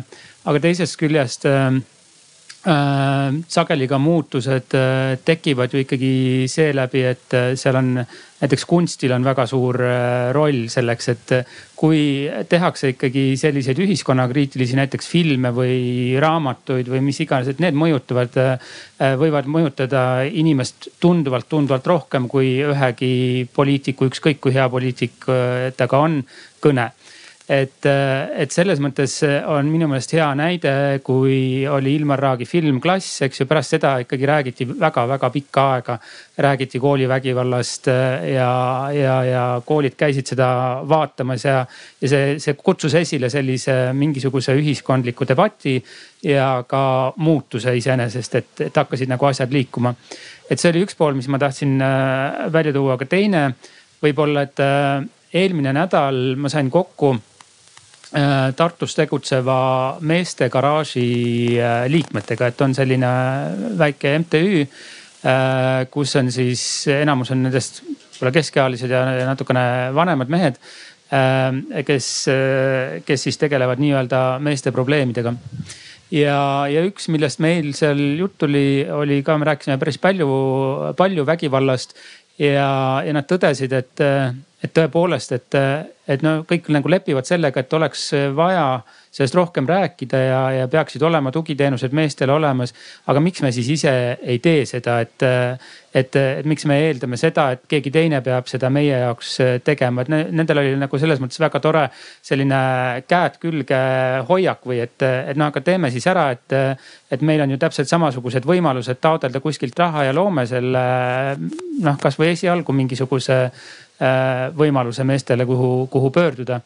Äh, et, äh, et jah, et ma arvan, et see on ka üks selline võib-olla lahendusviis, et kuidas, äh, kuidas, kuidas teemaga nagu edasi minna, et, äh, et peabki olema aktiivseid eestvedajaid ja loodetavasti neid tekib veel rohkem jah, et kes vastutab vägivalla eest, et me kõik vastutame. aga veel korraks sammuke tagasi vaadatuna, et ma Kristjan küsin siin sinu vaadet selleni, et, et, et ähm, et on noh, palju asju, mis on hästi. et Mariana ka ennem ütles, et me oleme pika tee käinud kuidagi, et hoiakud on muutumas või niimoodi, et äh, küsin veel, et mis on need asjad, mis on siis mõju äh, sellele avaldanud? Et mis meil hästi täna on? nagu ühiskondlikus pildis, kui me räägime vägivallast ähm, ma ei tea, siin eelkõnelejad ka ikkagi rääkisid, et, tõesti on minu meelest on väga äh, kuidagi südantsoojendav ja hea äh, lugeda või kuulata meie praegust presidenti, et ta võtab väga selgelt sel teemal äh, sõna, et see, see on üks väga oluline äh, selline märk minu meelest. Et, äh, et sul on riigi pea kõige tähtsam isik, kes, kes peab antud teemat äh, oluliseks. Ja ja mm, ma ei tea, see, need tugiteenused ikkagi üleüldises mõttes on arenenud võrreldes kümme aastat tagasi ja, ja see nii-öelda see ei saa öelda nagu sõna karavan läheb edasi, aga, aga et, et me liigume lõppkokkuvõttes ikkagi natuke või ikkagi paremuse suunas on, oleks minu selline võib-olla mõte, et, ähm, et tõesti ähm, ta ei ole nagu enam tabuteema vägivald, ma mõtlen. mulle see optimism meeldib, ma tahaks ka, et läheb paremaks ja ma usun ka, aga mul meenus üks fakt, ma ei mäleta, kes teist alguses ütles, et see viimane uuring äh, näitab, et Eesti on Euroopas kõige vägivaldsem riik. et siis tekib küll küsimus, et oot, vabandust, mis meil siin muidu nüüd siis hästi on ja kuidas me, millega me, mida me nüüd siis tegime, et ja palju me nüüd siis pingutasime ja et me nagu noh, kuldmedali oleme saanud.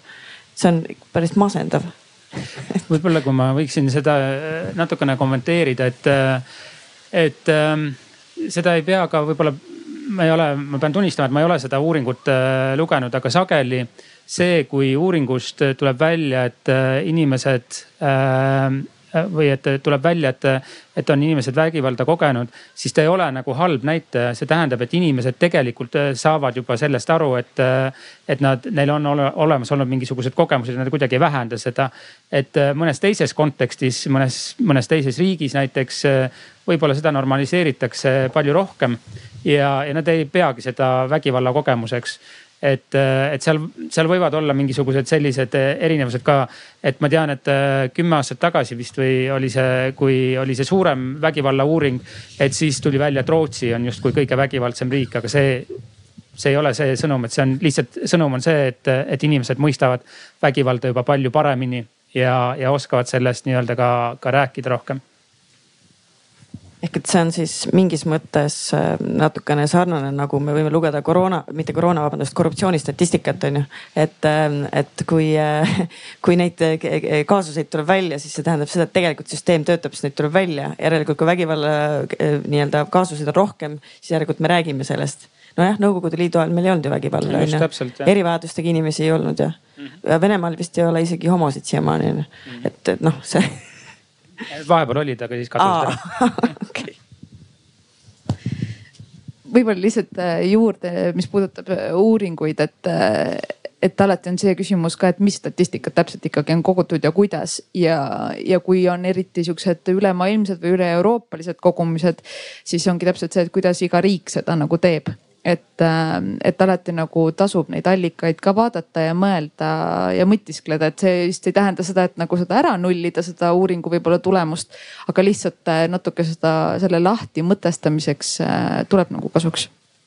ja, ja kui need on üpris värsked andmed, et iga kolmas Eesti naine on vägivalla ohver ja iga kolmas ligikaudu mees on toimepanija, siis ma ei ole sellega nõus, sest et ähm, minu praktika, mu paljude kolleegide praktika on see, et äh, ühel vägivalla toimepanijal on sageli mitu ohvrit. et äh, seda statistikast, et asi on tõsine, see on selge. Äh, see, et me oleme suure sammu teinud, see on selge.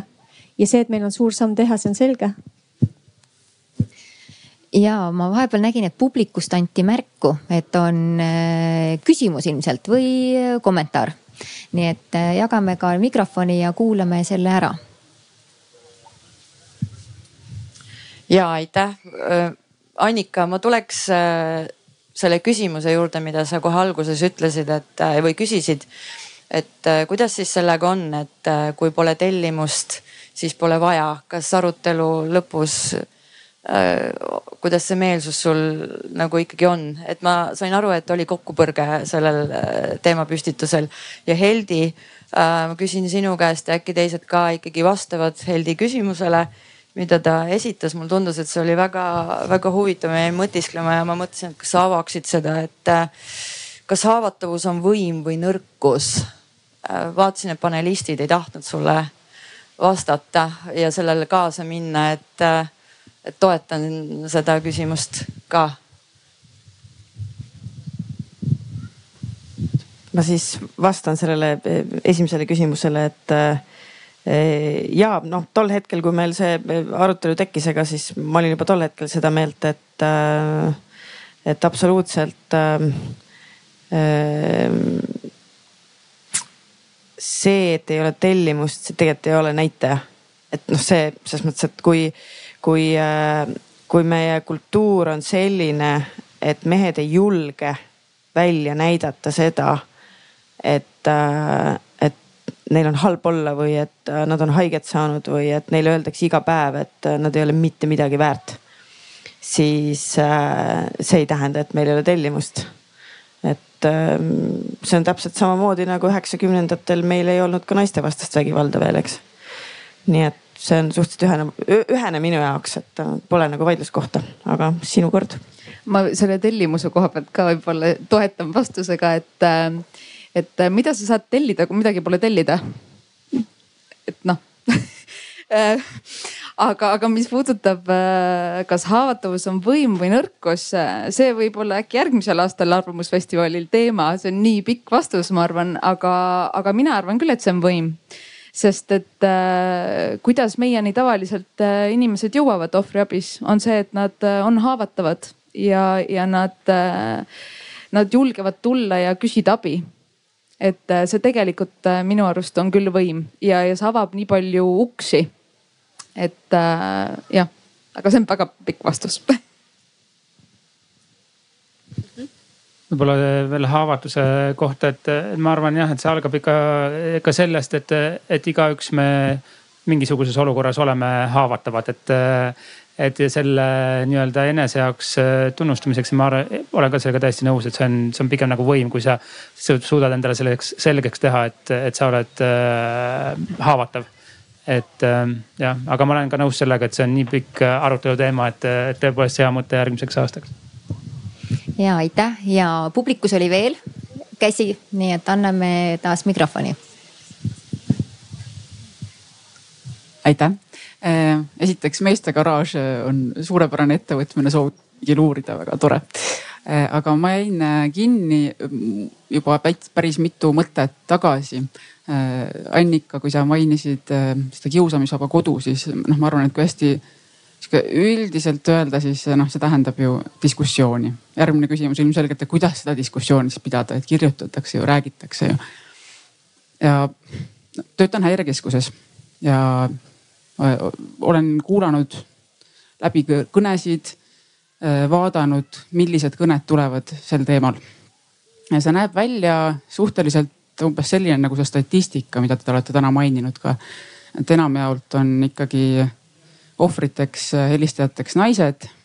aga on olnud ka eriti meelde jäi üks ühe, ühe mehe kõne, kelle, kelle naine oli talle kallale tulnud. ja, äh, ja, ja noh, tol hetkel kõne vastuvõtja ei osanud selle kõnega päris hästi toimetada, sest meil, ma arvan, see ongi see asi, et meil ei ole seda diskussiooni eriti olnud. meil on kuidagi mingid imelikud äärmused, et kas äh, noh, et kas, kas me justkui ignoreerime seda poolt, et mehed on ka ohvrid või, või siis me arvame, et naise näägutamine ongi täpselt sama asi, kui mees on näiteks füüsiliselt järjepidevalt vägivaldne. ehk et minu jaoks selle diskussiooni hästi oluline osa oleks nende proportsioonide teadvustamine ja selle pidevalt meeles pidamine. just nimelt, mis moel see toimub või ka sama, seesamane mees, kes meile helistas. ta kannatas vägivalla all, aga, aga ta Äh, oli selgelt, kuulus rohkem sinna kategooriasse, millest äh, sageli, mida noh, mida on Kait Sinisalu korduvalt maininud, et, et kui äh, mees läheb koju vägivaldselt korda, siis või siis täpselt naine tuleb koju, eks ju, siis veri, noh. nii, Andres ühesõnaga, et veri tema soontes ei tardu niisama lihtsalt aga see ei tähenda, et iga olukord oleks selline. ühesõnaga, mis ma kokkuvõttes, mis mulle tundub, et, et selle diskussiooni puhul ongi jah, et me tahaks hästi palju proportsioonide paikapanemist, et meil oleks võimalik astuda edasi need paar sammu ja rääkida neist küsimustest detailselt, et meil oleks võimalik rääkida sellest, kuidas need mehed nutavad ja nii edasi, ilma et me selle arvelt kedagi teist alaväärtustaksime või siis neid proportsioone kuidagi nagu moonutaksime ja ma arvan, et jah, et kõigepealt tuleb see esimene samm ja siis tulevad juba need detailsemad diskussioonid, millele ma väga loodan, et me jõuame. kui ma võin siia lisada, et äh, äh kas see töötas või? Jah, et äh, ma olen ka täiesti sellega nõus, et see proportsioonide küsimus, küsimus on väga-väga oluline, et äh, et nagu ähm, kui, kui mind kutsuti seda siia vestlusele, siin vestlusel osalema, et siis see oli üks asi, mis, mis ma tahtsin nagu öelda, et et, et sageli, kui ma, kui ma räägin naistevastasest vägivallast, siis ma kuulen kuidagi sellist ähm, vastuküsimust kuidagi kas nipsakalt või selliselt, et aga miks meil ei ole meeste varjupaiku. et noh, see küsimus ei saa nagu ära nullida kogu seda teist suurt probleemi, millega me silmitsi seisame. see on nagu iseenesestki, see peaks olema iseenesestmõistetav, et paljude jaoks ei ole mõistetav, et paljud siiski näevad kuidagi seda omavahelise võistlusena või et, et justkui me peaksime rääkima ainult ühest või teisest. Et ei, ma olen seda meelt, et me peame rääkima mõlemast. proportsioonid tõepoolest peavad olema nagu selged, et, et see ei ole nagu küsimus, et naistevastane vägivald on nagu selline ajalooline, ta on nagu struktuurne, et ta ei ole ainult see, mis kodus toimub, et see võib toimuda ka ju väljaspool kodus, eks ju. ja, ja ta on noh väga mitmekesine.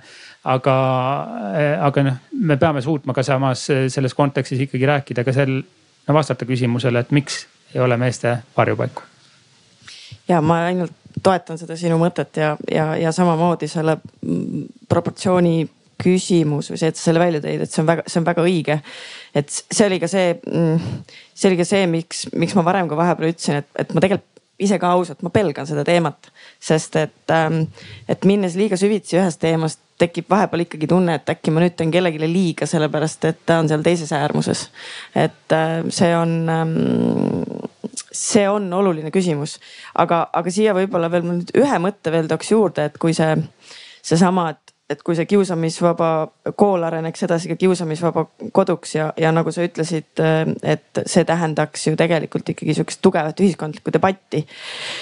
siis ma tahaks küsida täna veel siia juurde, et kas me oleme täna nii julged, et seda ühiskondlikku debatti ausalt ja avatult pidada. ja ma, ma, pelgan, et veel väga ei ole sest et äh, no alles paar päeva tagasi äh, võeti Tallinna lennujaamas naistevastase vägivalla pildid maha, sest et organisatsioon ei julgenud võtta poliitilist seisukohta.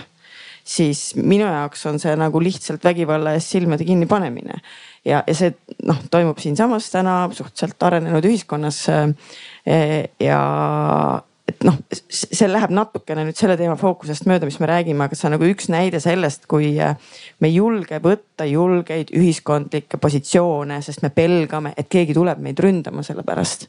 aga kui me neid positsioone ei võta, siis me ei ole võimelised ka neid valukohti esile tooma ja neid muutusi ellu viima. nii et äh, ma, ma ei tea, kust see julguse muskel tuleb, aga kui seda saaks õlga süstida, siis teeks ühe kampaania selle peale. Suurepärane lahendus, võib-olla me võime nendeni tagasi tulla ja diskuteerida, aga ma annan korraks veel mikrofoni publikusse. aitäh! Äh,, hästi põnev arutelu on olnud ja hästi palju on, oleme rääkinud üldiselt nagu vägivallast. Ja ma jäin lihtsalt mõtlema et kuna meil on see lähisuhtevägivald ja perevägivald on ikkagi hästi nagu kuidagi naistele orienteeritud puhtalt sellest, et ohver on tihtipeale naine või, või puhtalt ka statistikast. et see on ju fakt. et siis me mõtleme, et kui me küsime, et kas Eestis on vaja meeste varjupaiku, me saime põhimõtteliselt ühtse vastuse, et on vaja. aga kas meil on nagu et mu küsimus on see, et mida me peaksime te teha, tegema näiteks selles nagu meeste toetamisest teistmoodi, kuna neid ohvreid ilmselgelt jõuab tegelikult äh, abi küsima täna palju vähem. Äh, ehk siis võib-olla ei ole seda, et mu hüpotees on, et kas meil on piisavalt või küsimus, et kas meil on piisavalt kompetentsi ja teadmist, kuidas neid ohvreid päriselt äh, efektiivselt ka toetada või, või kuidas, mis me peame sellest süsteemist siis teistmoodi tegema näiteks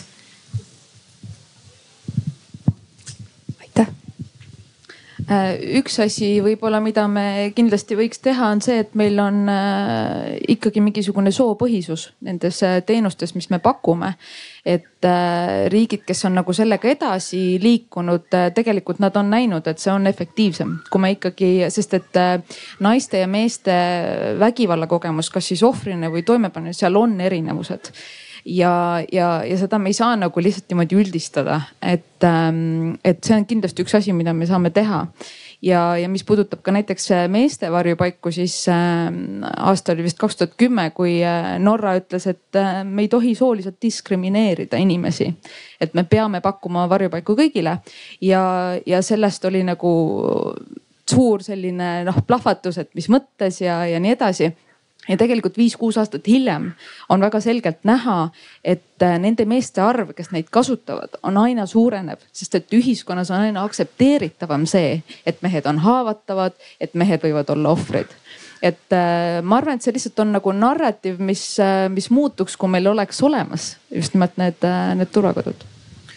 ma võib-olla ühe paralleelina tooksin veel siia jällegi äh, seksuaalvägivalla et äh, pikka aega oli äh, niimoodi, et rahvusvahelised organisatsioonid, äh, kes või abiorganisatsioonid, kes tegelesid näiteks konfliktis, sõjalises konfliktis olevates riikides. Neil oli välja töötatud sellised abimehhanismid siis, kui seksuaalvägivalda oli kasutatud sõjas siis naiste suhtes aga oli, ei olnud ühtegi teenust või oli vähe teenuseid nii-öelda meestele. et isegi kui ma töötasin läbi erinevate rahvusvaheliste organisatsioonide sellised äh, materjalid, siis, siis seal oli ainult äh, minu meelest tol hetkel oli kahel, kes siis mainisid ära, et ka mehed võivad olla sõjalises konfliktis seksuaalvägivalla ohvrid. nüüdseks on siis ikkagi jõutud sinnamaani, et on äh, on aru saadud, et äh, sõjalises konfliktis kasutatakse seksuaalvägivalda äh, tõesti proportsionaalselt rohkem naiste suhtes, aga ka, ka meeste suhtes, et see, seda tehti siis, kui oli veel vanal ajal oli Jugoslaavia konflikt või kõik, mis toimus Bosnia-Hertsegoviinas, eks ju. et, et seal nende hilisemate nagu uurimiste tulemusena on ikkagi see meeste arv, kes koges tol hetkel äh, seksuaalvägivalda või kelle, äh, kelle suhtes pandi see toime, et see, see number oli väga-väga suur. ja, äh, ja mis siis äh, hilisemad sellised analüüsid on ka leidnud, on see, et, et need mehed, need jäidki nagu ilma toeta, sellepärast et, et abiorganisatsioonid ei osa nendega nagu midagi peale hakata või et, et kuhu sa siis paigutad selle, selle mehe, et, et kui kõik teenus on suunatud nii-öelda naisele ja ma arvan, et, et sama paralleeli võiks ka tuua nii-öelda äh, meie konteksti, et, et noh, mingisugused need soopõhised teenused peavad olemas olema, sellepärast et, äh, et, et kui mees on ka ohver, siis, siis see ma ei ole psühholoog, ma pean tunnistama, aga, aga ma eeldan, et need toimemehhanismid või need, mis Äh, mis on seal oluline, et, äh, et need on natukene võib-olla erinevad, et äh, see tuleneb ka jällegi sellest, et milliseid ootuseid ühiskond paneb mehele, eks ju, et kui ühiskond ütleb, et mees peab olema ikkagi see, kes on nii-öelda see tugev ja siis tema nagu kuidagi ohvri roll on kuidagi veel eriti taunitav või et, et see on nagu suureks, suureks selliseks raskuseks ka mehele endale, et toime tulla sellega kui ma nüüd äh, kuulasin teie mõtteid, et ühelt poolt äh, nii nagu Mariana sa enne ütlesid, me oleme väga suure sammu teinud, Heldi, sa tõid siin Marakke välja, meil on tugiliinid ähm, ja, ja siis me tõdeme, et noh, Annika, sa küsid ka, et noh, mis siis saab, on ju, et me oleme tegelikult Euroopa üks vägivaldsemaid riike ja noh hullumaja. et justkui nii-öelda kaks äärmust et mis siis äh, on, äh, natuke küsida, mis me siis teeme valesti, mida me lisaks ei, ei tee, et ühelt poolt jah, natuke sai siin ka seda puudutatud, aga, aga kui me täna räägime sellest, et noh, me peaksime rohkem rääkima sellest ja pilti tooma ja siin on mitu korda mainitud presidenti, kes teemasid tõstatab ja, ja suur uhkus on, et noh, teie võtate ja, ja räägite sellest teemast ja, ja publik on aktiivne, aga aga mis siis on ka nagu praktilises plaanis, et mida me saaksime veel teha, mida täna tegelikult me ei tee aastal kaks tuhat kakskümmend üks, et siin on väga palju räägitud teistest riikidest. ja, ja tõsi on see, et jah, et küsimus, et ma ei tea, kas, kas Rootsi või, või USA või keegi on parem hoiakute, väärtuste muutmisel, võib-olla on ehk et kas ühelt poolt nii-öelda see vägivalla probleemi lahendamine on see päris kese või me peaksime millegi muuga tegelema, mis siis nii-öelda seda vägivalda aitab vähendada või on ka võimalik siinjuures ikkagi päriselt võtta konkreetseid tegevusi, mida me täna ei tee selle vägivalla vähendamiseks? Ma võtaks võib-olla ühe otsese ühe nii-öelda kaudse asja, mida me võiks teha, et äh, otsene on see, et äh mis puudutab teenust, eriti teraapia pakkumisse, siis see võiks olla pikaajaliselt inimestele kättesaadavam psühholoogilised teenused ei peaks olema privileeg. Ähm, mida nad praegu tihtipeale siiski on, välja arvatud kriisiaega et, et see kindlasti võiks olla, et see pikaajalisus selles, selles abi pakkumises mis puudutab, äh, enne Annika mainis rahastust ja sellist äh, projektipõhisust, mis, mis meil on. Ja, ja kaudselt muidugi on kõik need ähm, sotsiaalsed probleemid tegelikult, mis meil äh, Eesti riigis on, on väga aktuaalsed endiselt, mis tegelikult kõik on riskifaktorid selles vägivalla kontekstis, et, ähm, et kui kui meil ikkagi Eestis on inimesi, kes, ähm, kellel on kodus muldpõrand ja, ja nende pere sissetulek on äh, kolmsada eurot kuus. et äh, me ei saa neid inimesi ja neid probleeme ära unustada ja, ja me ei saa ka inimesi äh, maha kanda, et ah, see on joodik, see on narkomaan. et, et ka nende asjadega me peame tegelema võib-olla üks mõte minu poolt, et äh, ma ennem siin viitasin või ütlesin sellele lumivalgekese äh, diskursusele, mida, mida on ka aeg-ajalt kuulda, et et äh, aga ma tahaksin või riskin olla siis äh, lumivalgeke. Lumehelbeke, sorry. Vabandust ja lumehelbeke. et, äh, et, et üks mõte, mis mulle väga meeldib, äh, on, on see, et, et see kõlab nagu hästi trafaretselt, et rohkem hoolivust on vaja, eks ju.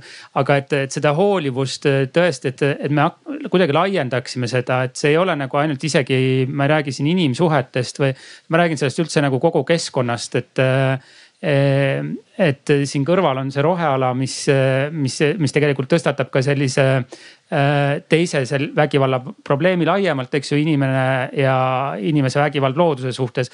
et see, see üleüldine foon peaks olema nagu äh, tugevam ja äh, et hoolivuse foon, et see ei ole mitte jah, inimestevahelises suhetes, vaid laiemalt. ja teine, teine pool siis äh, sellest, et, et need organisatsioonid või need äh, indiviidid, kes tegelevad äh, nende erinevate valupunktidega ühiskonnas. Äh, et, et seal võiks võib-olla olla rohkem ka sellist läbikäimist omavahel. et mulle tundub, et sageli need äh, probleemi juured on ikkagi üsna sarnased ja, ja, ja puututakse kokku sarnaste, sarnaste muredega. ja Euroopa plaanis, et kui, kui mina töötan Euroopa Liidu jaoks, et siis seal me näeme seda, et, et kui organisatsioonid töötavad äh, omavahel rohkem ähm, koostööd teevad, et siis, siis see tulem on ka kuidagi parem lõppkokkuvõttes või et et ma nagu läksin päris laiaks siin, aga, aga mulle tundub, et, et see, see hoolimise sõnum peaks olema ikkagi ühiskonnas rohkem läbiv sõnum. on eeskujusid rohkem vaja, häid eeskujusid, et ähm, nii neid, kes julgevad äh, välja öelda valusa tõe, kui ka neid, kes äh, olgu ta äh, peremudeli, töökeskkonna, koolikeskkonna, lasteaiakeskkonna hea näidetena, heade näidetena inspireerivad teisi. et eks see nende selliste jälle muutuste juhtimisel on seal alati kaks suunda, on ju, piits või präänik noh, kumma me valime, et, et, et kui me räägime vägivallast, siis seda piitsa vist on natukene liiga palju niigi. järelikult me, me, me peame rohkem leidma neid viise, millisel moel inimesi rohkem kaasa tuua ja inspireerida äh, selle teemaga tegelema ja tahtma ka ise muutuda. ega siis äh, lõpuks äh, vägivallaga vägivalda ei muuda ehk et nagu ka, et kui me nüüd otsustame siin koos täna ära, et me peame seda olukorda muutma, siis see noh, seda ei saa jõuga teha. järelikult on vaja jõuda kuidagi inimeste pähe ja südamesse, et see, sa selle hoolivuse tõid välja. et, et kui, kui me suudame selle saavutada, siis nüüd oleks vaja sinna veel natuke seda ratsionaalsuse poolt ka juurde. ja, ja võib-olla läbi selliste ühiskondlike eeskujude, et meil see president, keda korduvalt siin mainiti, et noh, võib-olla veel mõned nädalad on president. et siis, kes siis järgmine on, kes, kes saab eesseisjaks või, ja, ja kas ta jätkab selle teemaga ja kust tuleks veel kümme sellist inimest? et võib-olla sihuke eh, kild ka siia juurde kõigi eelpool kõnelejatega väga nõus ja, ja mis, mis ma veel võib-olla rõhutan, on ka, kus, kus me praktikas põrkume päris palju just organisatsioonide vahelises koostöös, et. et füüsiline vägivald, nii nagu siin on juba käinud läbi ka, on nagu väga selgelt mõistetav, aga see vaimne vägivald ja need sümptomid, mis tegelikult omavad nagu ekstra pikaajalist eh, mõju inimese ja ühiskonna vaimsele tervisele ja mis põhjustab omakorda ka füüsilisi vaevusi, et. Et, eh, et vägivald põhjustab nii vaimset kui füüsilist invaliidistumist, et, et ütleme selle välja. ja, ja siis saab toimuda muutus ja kui veel võib-olla just see isiklik eeskuju, et, et, et, et, et meie riigi iga indiviid mis iganes positsioonis ta on, et ema Theresa on öelnud, et kui sa tahad muuta maailma, siis mine koju ja armasta oma perekonda. Et kui me vaatame iseennast, et kuidas me käitume eh, oma perega või oma kolleegidega või oma sõpradega, et ja vaataksime seda ikka päris kriitiliselt, et kas on mingi koht, kus me nagu peame vaatama endale peeglisse, mõtlema, et, et kas me seda ikkagi teeme päris ausalt või natuke pisendame ka, et, et et võib-olla see on siis see viimaseks, mis mina panen südamele, et, et lähme, lähme täna kõik koju ja vaatame korraks peeglisse ja siis vaatame korraks pikemalt. Suurepärane ja soe mõte, millega lõpetada, et korraks veel ma küsin, et kas on mingi pakitsev idee, ettepanek, mida riigis muuta, kuidas muuta publikul. et nüüd on veel viimane hetk ka see idee välja hõigata. üks mõte on veel peale hoolimise ja peale eeskujude? see natukene läheb selle eeskujuga kokku, aga kuidas on praegu tegelikult suhtumine üldiselt kogukondade loomisele? Sest et kui inimesed saavad päriselt koos käia, rääkida sellest asjast, et sealt võivad tulla need inimesed, kes on ka hiljem eeskujuks ja näitavad ülesse, et see on ka päriselt probleem, mitte ainult see, et me siin räägime täna. et need inimesed päriselt saaksid ka jagada seda, mis on päriselt nendega toimunud. suurepärane, aitäh. nii rohkem, ühte kätt näen veel. Äh, aitäh, ma kuidagi kõlaksin ka sellele kaasa, et see probleem on nii kompleksne, et seda me ei saa lootma jääda selle peale, et me selle kuidagi riigile ära delegeerime. et, et ma korra tulen tagasi selle Kiva programmi juurde, et noh, mis on Kiva programmi ja siis noh, Salmi Valli ja kes need soomlased seal selle teooria, teooria autorid on. Nende peamine seisukoht on ju see, et, et noh vägivaldne käitumine või kiusav käitumine klassiruumis on tavaliselt mingi ebaadekvaatne viis eh, siis võimu hierarhias tõusta ja, ja mis lahenduseks nähakse, et noh, lisa, muidugi tuleb tegeleda alati ohvri ja, ja, ja siis eh, noh, kiusajaga või, või vägi, vägivallatsejaga. aga et eriti oluline on tegeleda kõigi nende kõrvalseisjate ja nende hoiakutega. ja, miks ma tulen nüüd selle juurde, mõtte juurde tagasi, et, et me ei saa seda riigile nagu ära anda seda vastutust, et ma ütlen, et lisaks sellele, et me läheme koju ja vaatame peeglisse.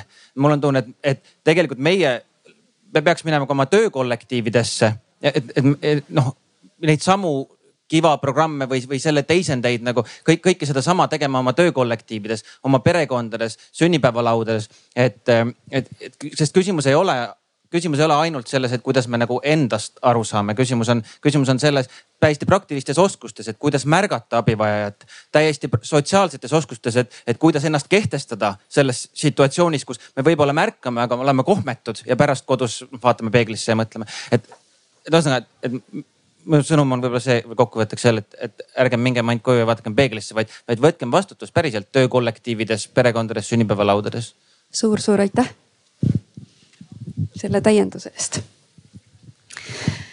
meie aeg on paraku tänaseks äh, läbi saanud, aga, aga teema kui selline vajab noh, kindlasti rohkem äh, aega, rohkem sisusse minemist ja ma olen hästi nõus sellega, et, et see ei jääks lihtsalt rääkimise põhiseks aga mul on tohutult suur lugupidamine teie kõigi suhtes, kes te siin paneelis osalesite. mul on ülimalt hea meel äh, aktiivse kaasamõtlemise, oma mõtete jagamise eest. ja hästi kirjutan alla sellele mõttele, et, äh, et meil kõigil on võimalik täna tegelikult panustada selleks, sellesse, et meie ühiskonnas oleks vägivalda vähem et on see siis tõesti kas märkamise, sekkumise näol, peeglisse vaatamise näol ehk et, äh, et minu äh, võib-olla kingitusi või mõte siit kaasa on ka see, et äh, see küsimus, mida igaüks me võiksime siis endas kanda selles teemas, et mida saan mina ära teha. nii et aitäh teile kõigile, kes te siin osalesite ja meeldivat Arvamusfestivalil osalemise jätku kõigile. selge see.